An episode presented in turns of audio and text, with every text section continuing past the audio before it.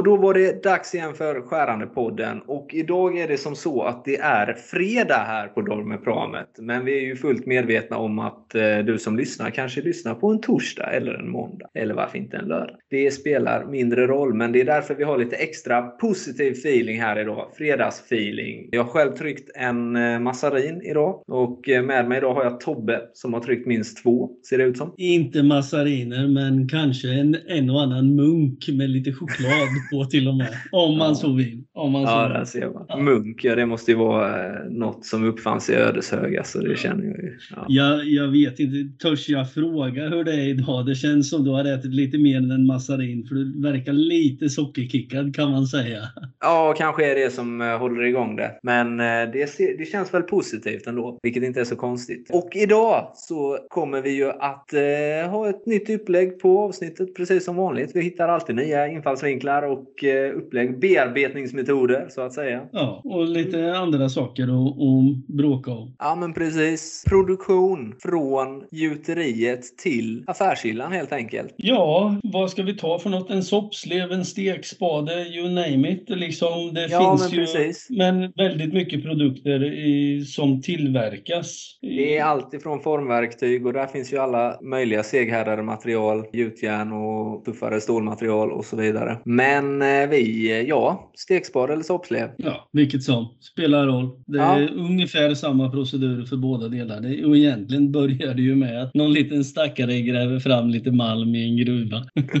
Så är det. det Ja, om vi riktigt ska gå på djupet så här på fredagen, sockerstinna Ja. som vi är. Precis. Det kanske vi hoppar över just den biten. Materialet finns där om vi säger. I vår eh, fiktiva poddavsnitt så har vi inte de problemen som resten av världen har nu då med materialbrist och i övrigt. Jag antar att du fortfarande väntar på din Playstation 5. Det där med tv-spel och grejer, det har väl jag vuxit ifrån. Ja, det det var- är- ja. ja. Men eh, vi bortser från eventuell materialbrist. Utan materialet finns där. Ja, men tanken med det här avsnittet är väl lite grann att förklara för folk eh, hur det går till när man tillverkar en hel del eh, saker. Alltså man, jag som är gammal verktygsmakare har ju många gånger till och med fått frågan Jaha, gör du skruvmejslar? Det är inte riktigt så det går till och liksom en stekspade eller en soppslev eller någonting sånt eller jag tar ett decilitermått vad du vill. Det är ingenting man svarvar eller fräser fram och en del människor har faktiskt inte koll på de här bitarna. Nej, så är det. Det produceras ju. Och allt som Ja. oftast i eh, simpla stans, pressverktyg eller formverktyg. Ja, Eller simpla ska vi definitivt inte kalla det. För eh, allting kan ju bli en vetenskap eh, beroende på hur långt man drar det. Och Precis. de som är riktigt bra, de kan göra det ganska avancerat och bara göra ett hål. Det vet ju vi om. Men att bara Mm. göra något annat också. Precis. Faktiskt hade vi ett ganska kul examensarbete när jag gick ut i gymnasiet en, en Ja. gång för länge sedan. Vi gjorde, det var ett kombinerat verktyg. Ett det var, specialverktyg. nej, alltså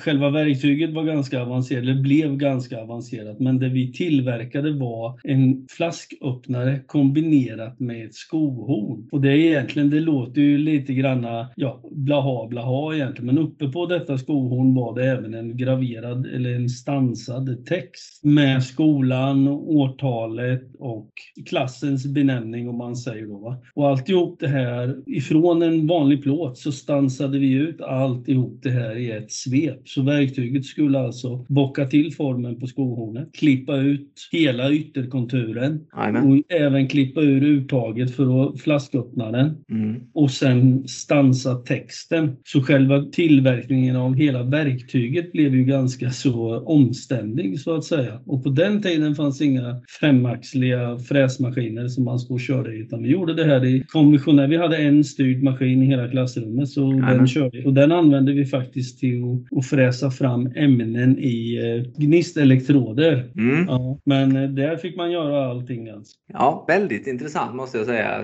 Ett trevligt gammalt eh, examensarbete. Mm. Och där ser man att ja, det går ju aldrig, även om man ska göra något så enkelt som ett skohorn med kombinerad Flasköppnare. Ja, exakt. Du hade ju kunnat ta över världen med den produkten. Det hör jag ju. Men eh, nej, nu hamnar du hos oss istället. Så. Ja, precis. Ja. Och det var väl just för att den var för dyr att producera. Du hittade inte en smidig lösning där. Det är ju processen man måste se över.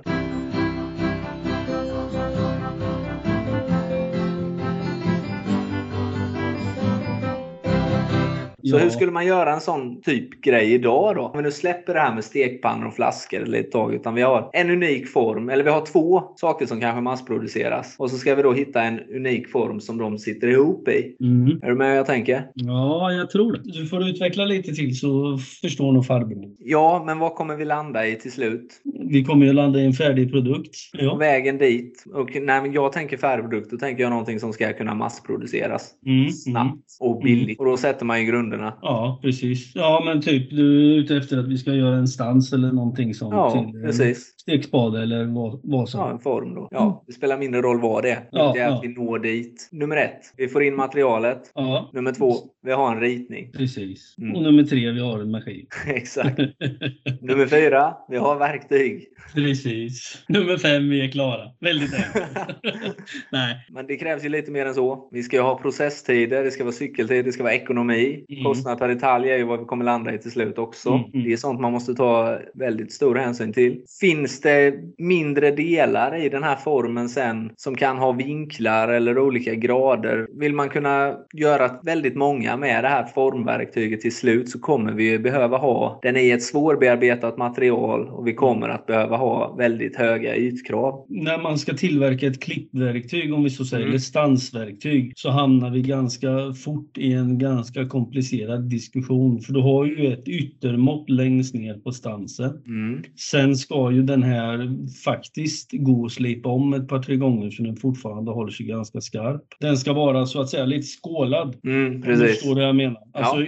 yttermåttet. förstår precis. Mm. Ja, och sen ska du även ha en släppning på Precis. Baksidan av verktyget. Den ska ju alltså klippa ett hål i plåten. Och när du klipper hålet i plåten så ska ju verktyget släppa ifrån plåten när det går igenom. Precis. Det är Ja. väldigt ofta som det liksom hänger på på någon liten del eller något sånt där. Mm. Liksom. Det ska gå av. Allt ska gå av samtidigt. Ja. Mm. precis. Och likadant är ju dynan gjord i det här. För ett sånt klippverktyg är uppdelat i två delar. Det är ju stans och det är dyna, det som sitter under. Mm. Som plåten ligger emot när man klipper. Och den är ju gjord lite grann tvärtom istället. Den är ju minst precis där stansverktyget går igenom och sen är den vinklad utåt så det liksom släpper och ramlar igenom lätt. Sen är det ju beroende på, det kan, ett sånt här verktyg kan ju vara gjort i flera steg. Det kan ju vara ett verktyg som bara klipper en, en rak slät plåtbit Mm. och sen går det vidare till nästa station och får en smäll till så att säga och där bockas det ju eller trycks ut till någon annan form. Precis. Så där har vi kommit en bra bit på vägen. Jag hoppas alla Mm. förstod och hängde med. För eh, det går egentligen inte att förklara det så mycket enklare än vad du gjorde nu. Precis, kan Nej. jag tycka. Nej. Men det är ju faktiskt som så, Tobbe, att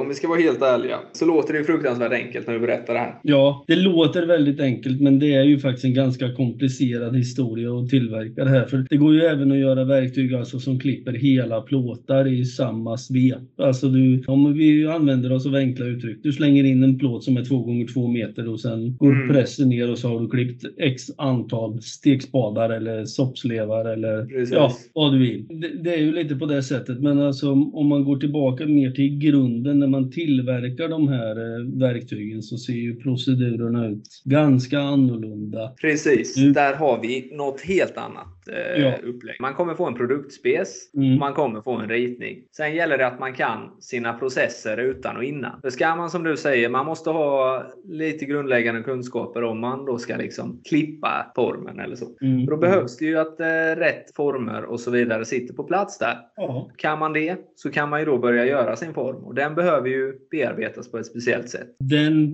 metoden, eller metoden är väl egentligen i grund och botten densamma men tekniken bakom är ju annorlunda nu mot vad den var när jag började. Det var ju, Ja. ja, men det var Hjulet har ju hunnit uppfinnas sedan dess bland annat. och Ja, annat. precis. Vi har inte bara pinnar vi slänger under sakerna vi flyttar framåt. Nej, men eh, om du tänker, det fanns ju inte det här med femaxliga maskiner när jag började. Då fick man ju göra, alltså det var ju en mycket, mycket längre procedur än vad det är idag. Ja, Om det blir helt andra, helt andra ledtider och helt Ja. andra tänk. Liksom, helt andra kostnader. Så det om, förstår jag. Ja, om du tänker dig ett vanligt fyrkantigt klippämne, vad som helst. Mm. Du ska klippa ut en fyrkant ur en Ja. plåt. Alltså du, när man gjorde en sån, eh, det verktyget så fräste du ju ut, alltså du fräste in måtten och allting sånt. Sen fick du ställa den här stansen upp i, i skruvstycket och då kanske du kom åt, hade du tur kom du åt två sidor. Du Mm. kunde ving, alltså för att få till den här vinkeln eller släppningen Jajamän. så fick man göra den. Eller om man slipade in den. Och sen nästa steg, då la man upp det i gnisten. Mm. Och sen gnistade fram den här bågen, eller det, vad jag nu ska kalla det för. Det, så Precis. det blir ett bra klippverktyg. Idag gör man det ju på ett helt annat sätt. Ja, men det är gnistning är populärt idag med, helt klart. Ja. Och, eh, ja, det ska ju härdas och grejas med Mm. eh, delarna. Den får vi inte glömma den delen i processen heller. Nej, men om man säger själva grundstegen är ju egentligen de samma. Det är bara det att med dagens teknik så kan du ju tillverka stansar och dyner på ett lite annorlunda sätt. Du Mm. kan göra dem mer i en uppsättning så att säga i maskinen. Så är det. Din eh, favorit är ju femaxligt och där har du ju mycket, mycket stora fördelar med det här, alltså när du tillverkar sådana här verktyg. Definitivt.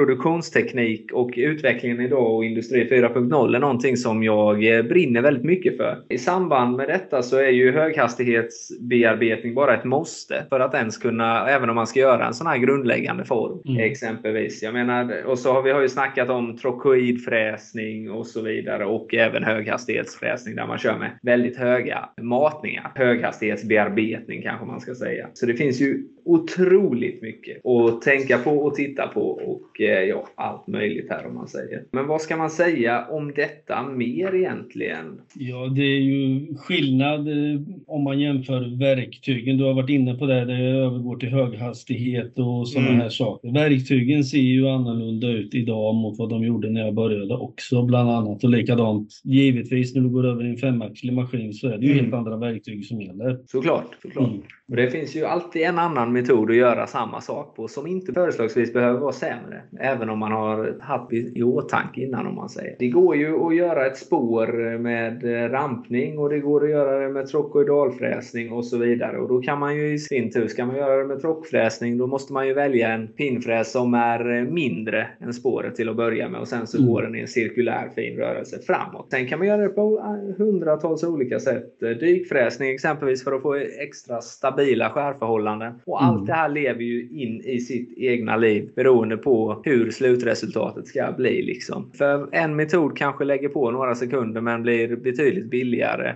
i eh, ja, exempelvis verktygskostnader eller något Mm. annat. Så eh, det är ju en riktig djungel det här. Det kan man lugnt bara konstatera. Absolut. Och det är det som är så fruktansvärt kul att något så banalt som exempelvis en spetsvinkel eller en spiralvinkel kan vara direkt avgörande i slutändan när man har offererat på ett jobb faktiskt. Det har du inte tänkt på va? Jo, lite sådana funderingar har det väl funnits. Men det är Ja, ju precis, det det är ju precis Ja. som du säger. Alltså, en minsta lilla skillnad på ett verktyg kan ju ha en enorm betydelse för slutresultat. Precis. Ditt och mitt jobb går ju ut på att försöka förstå vad det är kunden har för behov och sen göra den bästa lösningen till dem. Precis. Vare sig det är alltså att det ska gå fort eller att de vill ha alltså, trygg körning så att säga. Det ska hålla ett visst antal detaljer och sen vänder man skären eller byter borret eller vad du vill. Ja, Eller att det bara ska gå så absolut så fort som möjligt. Det är ju Precis. liksom olika steg. så är det. Och det kan vi ju bara konstatera att vad ni än kastar på så kommer vi alltid att göra vårt bästa och eh, vi kommer alltid att kunna hitta ett annat sätt att göra det på. Absolut. Som vanligt så kommer det ju ibland när vi gör våra utlägg lite uttryck och sådär till höger och vänster, dykning, rampning, trock och dalfräsning och så vidare. Man kan ju säga som så här. Treaxlad bearbetning, då går man i Z-axel och i X eller Y-axel. Cirkulär bearbetning, vad innebär det då Tobbe? Ja, då går du i tre axlar samtidigt. Om du pratar om cirkulär interpolation. Det var Ja, nästan så precis. tungan fastnade Nästan i så. munnen, hörde du det? Jajamän. Ja, nej, men då kör du X, Y, Z samtidigt och det är ju faktiskt så inte alla maskiner som klarar. Men En spiralrörelse som man säger. ja, Mm. precis. Då har vi ju hamnat i, i vad heter det, fräsvärlden igen. Du trivs ju där men och jag trivs ju där man svarvar. Det är liksom Ja, men precis. Så är det. I- i Vissa borrar ju med sina fräsar också och sådär. Så Ja. Vad ska man med ett borr till när man kan borra med en fräs? Precis. Alltså bearbetningsmetod, det är ju egentligen fantasin som sätter stopp där. Vilken metod du använder som är bäst. Precis. Det är eh, innovationen som sätter gränserna. Mm. Så det älskar vi. Och eh, alla ni som älskar pengar, kontakta kontakta mig för en eh, grym offert. Med detta sagt så börjar vi närma oss slutet och men då är det väl bara för mig att slå ytterligare ett slag för våran S791. Denna fantastiska tunnformsfräs. Den flamformade fräsen som eh, besparar, tidsbesparar bearbetningen eh, något så fruktansvärt för många av mina kunder. Det är bara en sådan fantastisk produkt tycker jag. Har du någonting du vill highlighta innan du ger dig på fredagsbakelsen Tobbe? Nej, det, jag kan inte göra annat än att instämma i vad du säger om flamfräsen. Den är, ja, den är verkligen på frammarsch. Även jag har börjat titta mer och mer på det här med femaxligt och, och de här bitarna. Så den är, den är grym, som du själv skulle ha sagt. Så är det. Så är det. Stort tack till er som lyssnat. Vi hörs igen nästa vecka så får ni ha det så riktigt, riktigt fint. Ha det så bra. Hej då! Hej då!